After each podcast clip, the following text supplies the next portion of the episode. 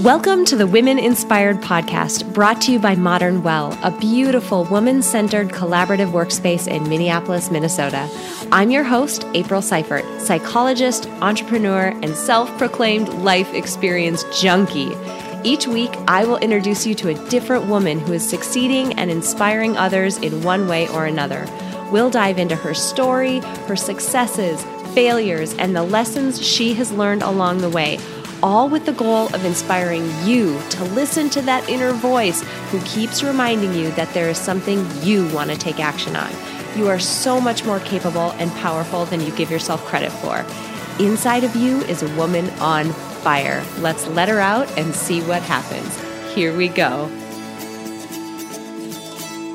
Well, hello, everybody. Welcome back to the Women Inspired podcast. I'm thrilled you joined us this week because we have an incredibly powerful guest this week. My name is April Seifert. I am your host, and this week we are speaking with the wonderful and inspiring Karen McGill. Welcome to the podcast. Thank you. Thank you for inviting me. You have a really cool backstory, and we have a ton in common. And this episode could go straight off the rails, and I'm going to work really hard to try to make sure that that doesn't happen. For people who have listened to me for a little while and listened to a few episodes of mine, you're going to know almost instantly why I say that. But before we get into anything else, Karen, can you give us just a little background on yourself and just a little bit of your back history so we can get to know you? Okay, well, I always I say that uh, my life started in June of 2000. The year before, I'd gotten a job with the Canadian government, but on June 5th, I woke up partially paralyzed on one side of my body. Nine days later, I was diagnosed with multiple sclerosis, and by the end of September, the disease forced me to go on disability. I took 30% cut in pay. I was 35 years old, and I thought that my life was over that is like a terrifying realization. Like, I mean, to have woken up and realized that you are paralyzed. I mean, that had to have been terrifying. Well, what it was, I mean, I rolled over to turn off the alarm and my arm didn't move. It just kind of flopped. Then when I got up to go to the bathroom, my left leg collapsed underneath me. And I've been told by people, nurses, there's no way I could have done this. But I had to go to the bathroom. So I did make it to the washroom kind of crawling, I guess, and dragging myself on one side. How, okay, wow. So, for those who have listened to me for a little while now, um, it's probably pretty evident as to why I, I started this podcast episode the way that I did.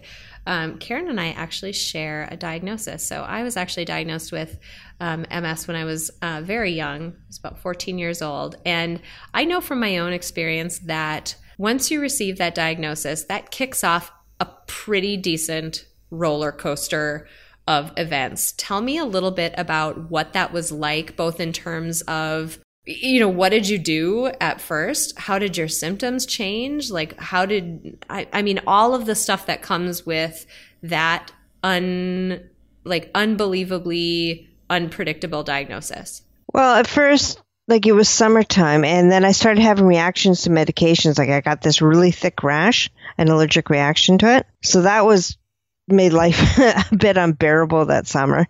I ended up taking five weeks off work.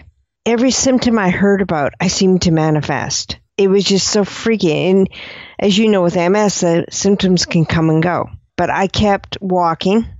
I walked with a cane for many years, kept walking, and I kept trying to get through because this is the way I was always brought up. I mean, I would thought that, you know, I'd take some time off work and then I'd go back and everything would be just like it used to be. But that's not what happened. I just I couldn't handle handle the work schedule.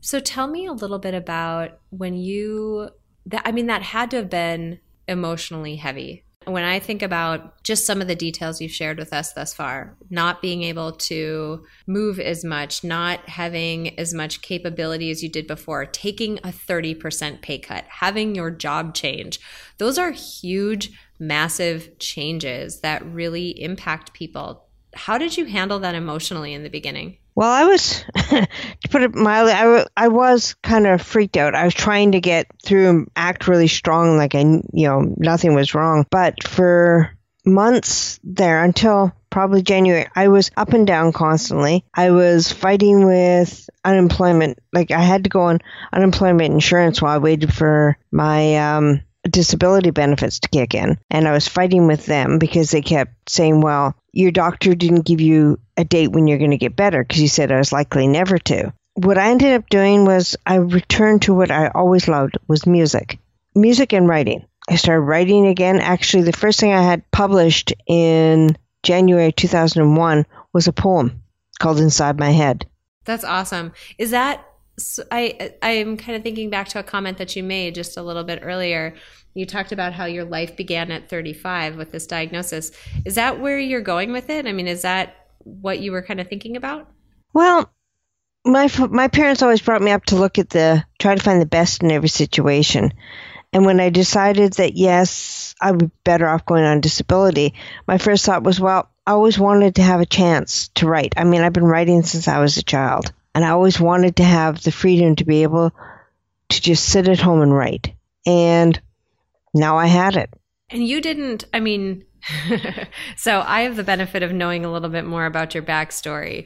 you didn't just I mean, maybe it included writing in a journal and, and doing some of that type of thing that people typically would think about as writing. Yours was much more prolific and, and a bigger deal than that. Tell us a little bit about uh, your authorship journey because it's pretty epic. Well, I actually, right now, I have five books published. My first, The Bond Paranormal Love Story, has been translated into Turkish. It's won an award and it's being adapted to film. I wrote uh, on the right side my story of survival and success the year I gave up the cane. So, has your writing really followed your journey with this condition? Have you found that that the condition inspired some of the things that you were writing about in in these books that you've published? You know, actually, MS only appears in the one book um, on the right side. The others, like I say, are paranormal. The Bond I'd written years ago before I got sick, and I just pulled it out, dusted it off, and rewrote parts of it, and then self published it. And I self published the next one. My third one combines Vancouver history with uh, the paranormal, my third and fourth book. And they were published initially by Saga Books, which was a small publishing house that has since closed. So, what I think is really interesting about what you've shared is, you know, you got this diagnosis that is you know, for anyone who's had a major health diagnosis happen, you know that it can be I, I mean, it can just be completely life changing. And in your case, you know, it was it was a catalyst to start something that you really wanted to have the time to do. Lots of people don't do that. I mean, lots of people would take that diagnosis and think that their life had ended and think that mm-hmm. there was nothing more that they were going to be able to do. But you didn't do that. What was that journey and how did how did you do that? How did that happen? Well, I like to liken it to attacking a mountain like there's been a big mountain put in your path. Now, you can climb over it, hopefully, maybe, or around it, but the best way the easiest way I found is that you just attack it. One pebble, one stone. Like I say, if necessary, do one small thing every day that's going to lead you to your goal. Doesn't have to be major. Some days there will be major things. And then some days you're going to do something that's going to take you onto a different path. Follow that path or get back onto the one you want. I love the way that you described that because it's exactly the way that I I feel like I get on here every single week and I preach to people about how they can go after some of their big goals.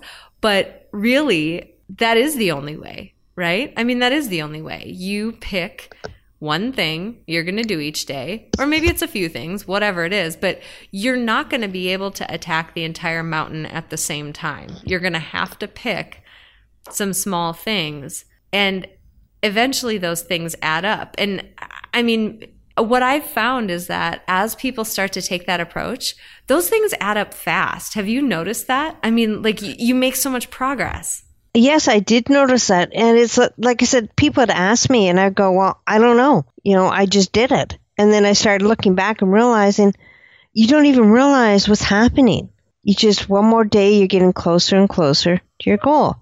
It's like I gave a speech at, um, it's called My Story Mondays here in Vancouver. And it's been on Shaw Cable. So I've actually had my television debut too recently. Nice. That's awesome. That's really exciting. But unfortunately, I don't have t- TV, so I couldn't watch it. I mean, it's you're absolutely right that you don't you don't realize how much traction you're getting and how much um, how much progress you're making until you take the time to look back and realize how far you've come. And those little steps that feel like they're not that big of a deal on a day to day basis truly are a big deal in the long run. I think it it was what was it Tony Robbins or somebody like uh, big into the self development arena like that said people underestimate what they can do in 10 years, but they overestimate what they can do in 10 minutes. You know, just take, yep. take one small thing and do it in that 10 minutes, but you have no idea the mountain you're going to come over in the next 10 years if you do that. And quit trying to rush it because those 10 years are going to pass anyways. Yeah. Tell me a little bit more about that. Well, the thing is, is that you can sit around, watch TV, and do nothing you can sit here and moan about your life, or you can go out and have fun. And like I say, those 10 years are going to go by anyways. I mean, it's amazing. I mean, it's been almost 18 years since I was diagnosed. So it's amazing how fast that went. But like I say, those years are going to pass. Now, wouldn't you rather have been doing something? It doesn't have to be really big. I mean, take a course, learn something.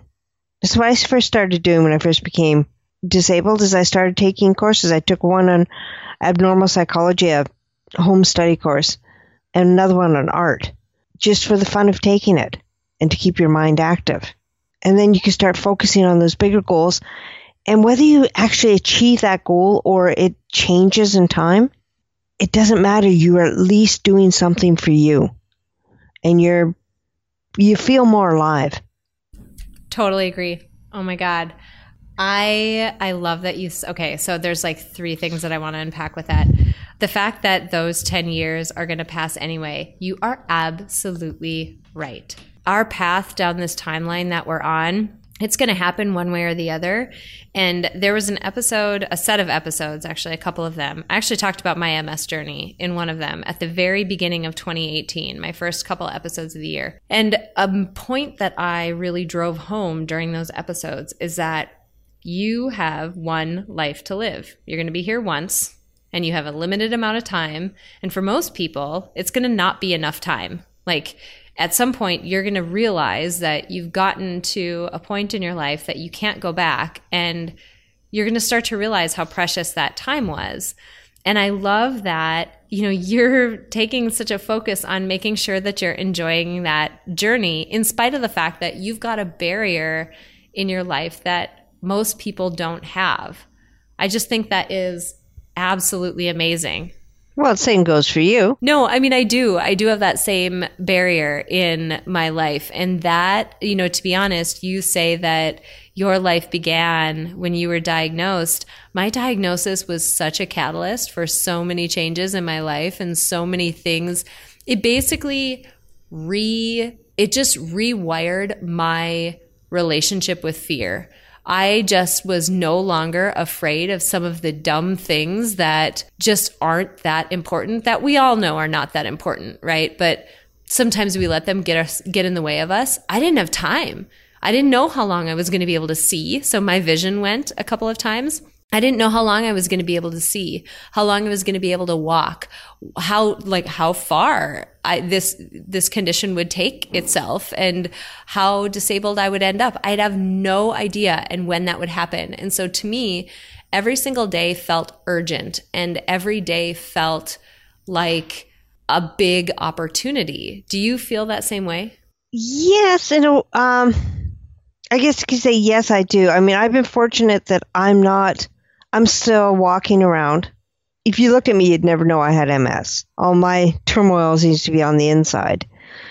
And I recently found out that, um, well, I've known for years that because I haven't had a major attack since that one back in 2000, it's unlikely I'll have another major one. And now that I'm almost 55, apparently the disease slows down once you hit 55.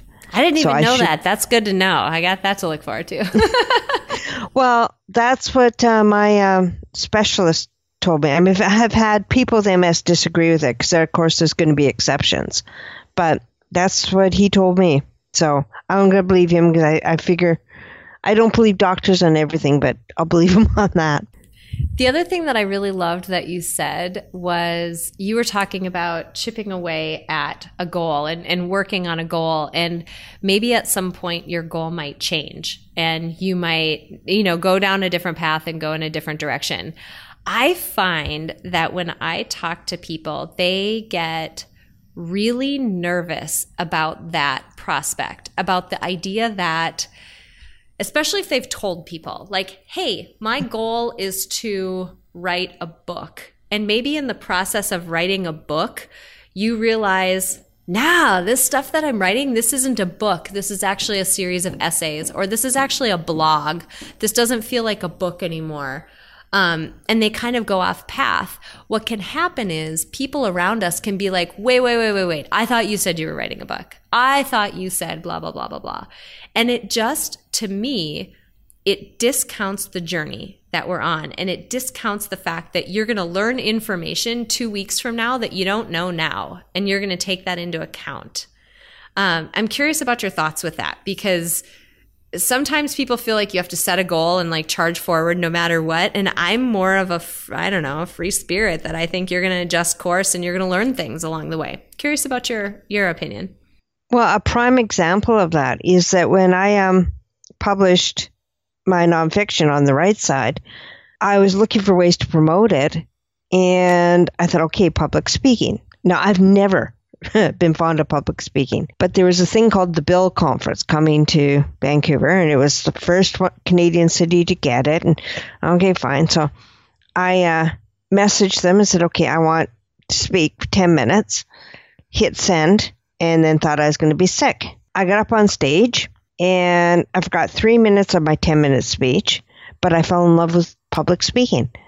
Now I've been through Toastmasters and like I said, I did a um, my story Mondays, and now I'm looking at motivational speaking as a career.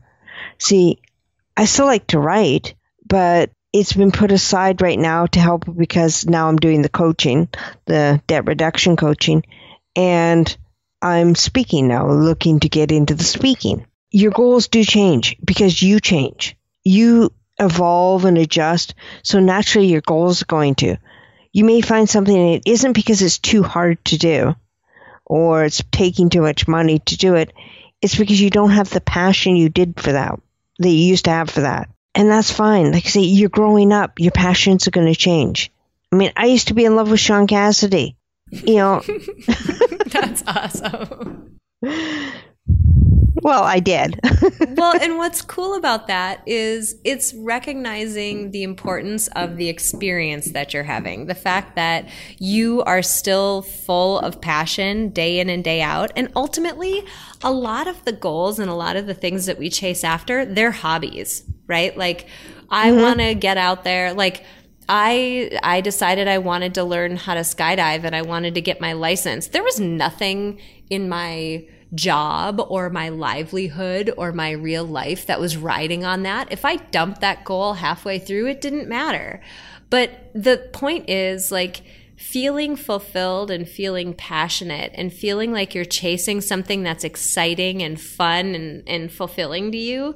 That's the point. And so I love the way that you put it. It was so succinct and perfect that your goals change because you change that's exactly right. And so now it's like paying homage to that new person who's, who was developed because you've been on the journey that you're on. It's like paying homage to that new person and letting her have a great experience, even though she's slightly different and, and a different person than, you know, she was six months ago. She maybe has different goals, maybe has different excitement, different ideas. I love that. And it's not only that, as you get into trying to accomplish your goal, you may find things that are going, hey, no, I don't really want this once you learn more about it. Yes. How are you going to know? I mean, I think my grandma told me one time when she came back from Hawaii, I was really young. I think I was like three or four years old, and she handed me a piece of pineapple, and I said I didn't like it. And she said, How are you going to know if you like it until you try it? I mean, that's like the age old thing. Like, listen to your grandparents, right? They have some wisdom. but I mean, how will you know? And how would you have known that you love public speaking had you not gotten up on that stage? Because I never did before. I mean, I was always the one, you know, that would sit especially if I knew the speaker would, I would heckle the speaker. Just ask my older brother. he spoke at a few family events, and of course, I had to throw all the insults I could. So I was not one that I thought would I would actually get up on stage. Yeah, absolutely. You kind of mentioned in passing a little bit some of the work that you're doing now in, in debt reduction coaching. Tell me a little bit about that. Well, I found that, like I say, I'm disabled by MS, but so many people are disabled by debt. And when, like I said, I, I mentioned that I took a 30% cut in pay when I was when on disability. Well, what I didn't tell you is that I've been spending my money faster than I was making it because I only worked a year for the government, but I'd gone from working part-time minimum wage to 20,000 a year and then more than doubled that 6 months later. And I was getting so many things on credit. I ended up having to file for bankruptcy. But once that was off my record, I found I was doing the same things again spending the same ways. So I came up with a system to keep myself in control. And right now, I have an introductory offer. It's a um, well, introductory course. This is the first part of my uh, debt reduction coaching, and it goes over the five steps that I used. It's available as an email course off my website. But I want people to know if you've got debt, like unsecured debts, what I work with, it doesn't have to rule your life. You can get control of it and you can focus on your other goals. I am personally, I'm still paying off old debt and I struggle occasionally going, no, you know, you don't want to buy that, keeping myself in check. But I use the tools that I've created. And I just want everyone, especially women, you know, so much of our life, I mean, they tease us about being shoppers. You know, women know they all love to shop. Personally, I don't love to shop, but Amen, that's sister. another story. I hate shopping. Oh my God, I'm right there with I you. Hate, oh, oh yeah. That's why I think I love internet shopping. Oh my God, yes. you don't have to go there and talk to people and like do all the stuff. You can just find the thing so fast. Right. That's why I like you don't have to deal with people. You know, it's like, but I mean, uh-huh. we get we get teased about it a lot. I mean, it's all you know stereotype, but a lot of women do it, and there's so many other things we can do with our time, and we can get these goals done. We can I can help you control your debt, so you can. How do I put this? I told this to you one before. I love helping people achieve their goals. We have that in common. We so have that in common. And it is, there have been past episodes where I've talked a little bit about money not necessarily debt there because there's two sides of the coin right there's income and there's debt but they both factor into the bottom line of how financially healthy are you and mm-hmm. There's ultimately for me being financially healthy and having cash or money that isn't going toward debt like having that ability that's something that was a big shift in my life. Like I won't go into that whole story, but I've been on both sides of the coin where we I didn't have it and then I've been on the side of the coin where I do. And to me, and it sounds like you might have a similar view, money and that ability to be out of debt and have money available, it buys you opportunity and flexibility and options and margin and all of those things that you just need to have a really calm existence. If you don't have like if debt is crippling you or you don't have the income to sustain your lifestyle and it doesn't have to be a lavish lifestyle just a, just a decent lifestyle you just don't have the options and opportunity that allows you to do some of the things that you're saying and go after your goals. Is that kind of how you think about it? Because it just really sounds like we're in a really similar headspace. That is very much how I think about it. I also think about it this way is that, like I said, I help you get control of it so it's not so weighing so heavy on you because I don't want people to sit there and go, well, I'm going to go after that goal once I get my debt paid off. And then the debt just keeps mounting up because there always seems to be an excuse. Whereas if you can get it under control and then you're starting to pursue your goal now, do what you can to get there, you'll find that that debt will keep going down and you'll be in a much better frame of mind because you are pursuing your goal and you're getting there. Heck yeah. And people already come up with enough reasons why they shouldn't go chase after their big goals, right? I'm not good enough and I don't have the right expertise and I don't know what to do and it's too hard and whatever. All those crazy things. Don't let money be the thing that keeps you from doing it. You know, don't put another one in front of you that would be an excuse as to why you're not going to, you know, go after the big goal that you have. Well, that's exactly it. And we can make enough excuses in our life. I mean, I know I'm good at it. I can rationalize anything I want.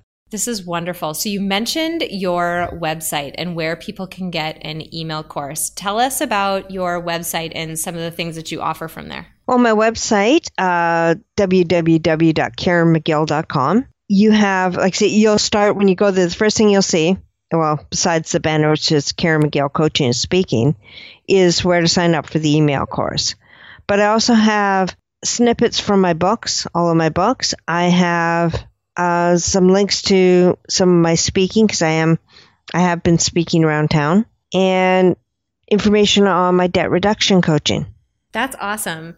Um, I know people are going to want to check you out, and I know they're going to want to check out your courses. So I really appreciate you sharing that with us. And I appreciate you being here and sharing your journey and being open to talking about you know, some things that are really hard. It is not easy to be in a position where you've got a really big health barrier and a really big health situation going on. And um, I know, for one, from personal experience, there are a lot of crazy tentacles that come with MS, both emotional and physical and financial and otherwise lifestyle that it's not an easy one to to handle so i really appreciate you being here and you sharing your story with us today well i like I said, thank you for having me. Now, before I actually let you off the hook and let you go today, I have to ask you for one more thing. I ask everybody the same last question, and that is for your favorite motivational song, because we are compiling a Spotify Power playlist of motivational songs that kind of keep people pumped up. So I have to ask you for your favorite motivational song. Okay, this one is actually from the 2010 Winter Olympics, which was held here in Vancouver.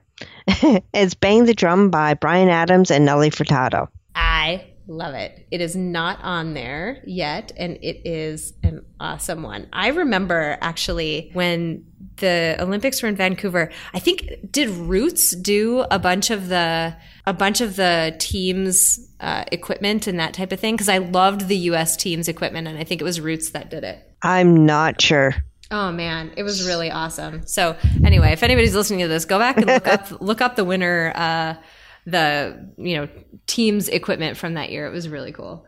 Um, I'm totally off topic. Karen, thank you so That's much, okay. honestly, for reaching out, for sharing your story, for being open, and for sharing. I mean, I didn't even expect us to go in the direction of some of the debt reduction stuff, but it is so incredibly important because you're absolutely right. It is a barrier to achieving your goals. And I love that you are helping people break down another barrier that would stand in their way. So thank you so much for being here today. Well, like I said, thank you for having me. Thank you so much for joining me this week for this interview with Karen McGill. There are a few things that I want to call out as always. Now, Karen said that her life began at age 35 when she was diagnosed with MS, and I know how crazy that sounds, but I can completely relate to that sentiment her experience was so similar to my own experience in getting diagnosed with MS myself. Now, if you're part of my email list, you know that I, in addition to the link to this episode, I also sent out links to a couple of back episodes of the podcast where I share my own MS journey and how it shaped the way that I live my life today. If you're not part of my email list, I highly suggest signing up at aprilseifert.com but for the time being, you can go to aprilseifert.com and check out episodes number 39 and number 40. Now, if you put those together with this episode, what it all boils down to is this live like your life depends on it because it does. Your life is entirely comprised of a series of just todays. And the decisions you make, what you choose to do with your time, and who you choose to spend it with are absolutely mission critical to you living your best, most fulfilling, aligned life. And because of that, every single day should feel a bit urgent. I talked about that in my interview with Karen. I felt this sense of urgency to do all the things that I wanted to do. And I mean, it seems crazy to say, but even if you don't have a diagnosis and even if you don't face something adverse, you are no different than Karen or I. Sure, you might not have that diagnosis now, but every single one of us is one conversation, one phone call away from a doctor telling us that there is something seriously wrong with us. We are one car accident away from something really severely bad happening to us. I don't mean to sound catastrophic, but that's just how life goes. Things happen.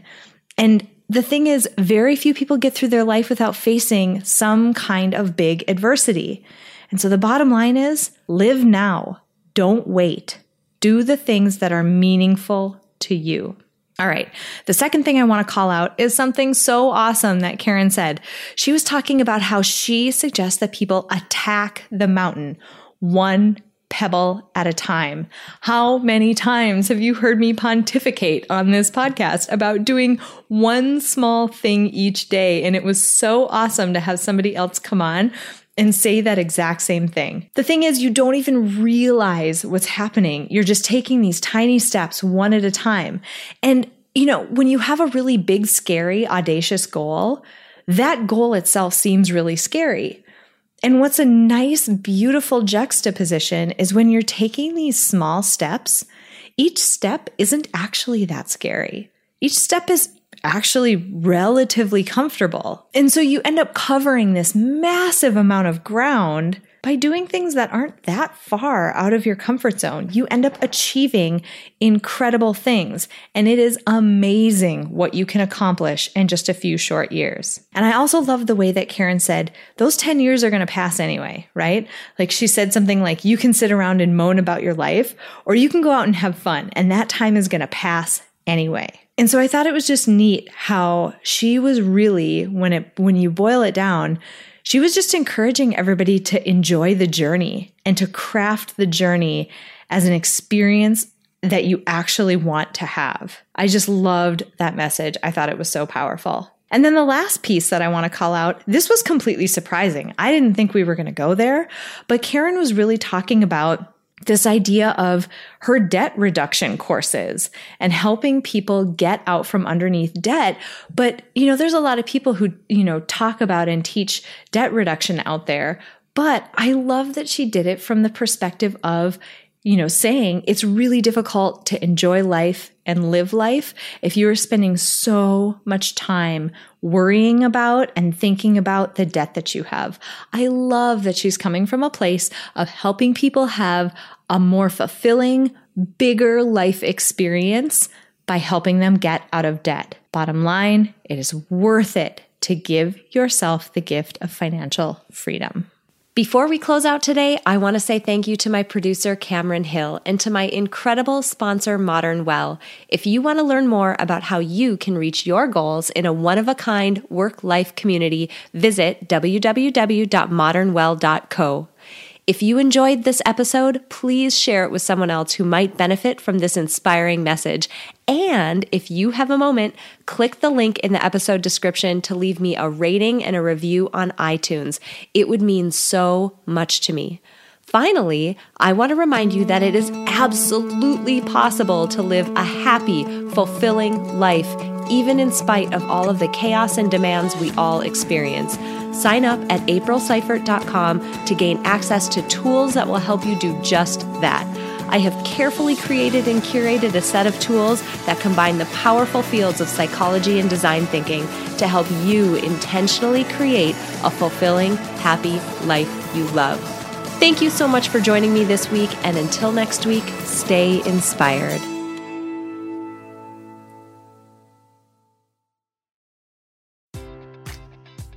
Enjoy all your favorite sports like never before at BetMGM. Sign up using code CHAMPION and receive up to $1,500 back in bonus bets if you don't win your first bet. When you register with BetMGM, you'll get instant access to a variety of parlay selection features, live betting options, and the best daily promotions in the business. And with BetMGM at your fingertips, every play and every game matters more than ever. Remember to use code CHAMPION and receive up to $1,500 back in bonus bets if you don't win your first bet. Place your money line, prop, or parlay bets with the king of sportsbooks today. BetMGM and GameSense remind you to play responsibly. See BetMGM.com for terms. 21 plus only, Virginia only. New customer offer, subject to eligibility requirements. Rewards are non withdrawable bonus bets that expire in seven days. Gambling problem? Call 1 800 Gambler. Promotion, promotional offer not available in Washington, D.C.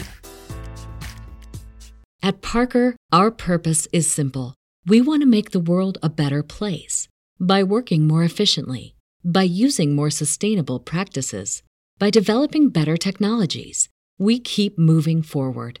With each new idea, innovation, and partnership, we're one step closer to fulfilling our purpose every single day. To find out more, visit parker.com/purpose. Parker, engineering your success.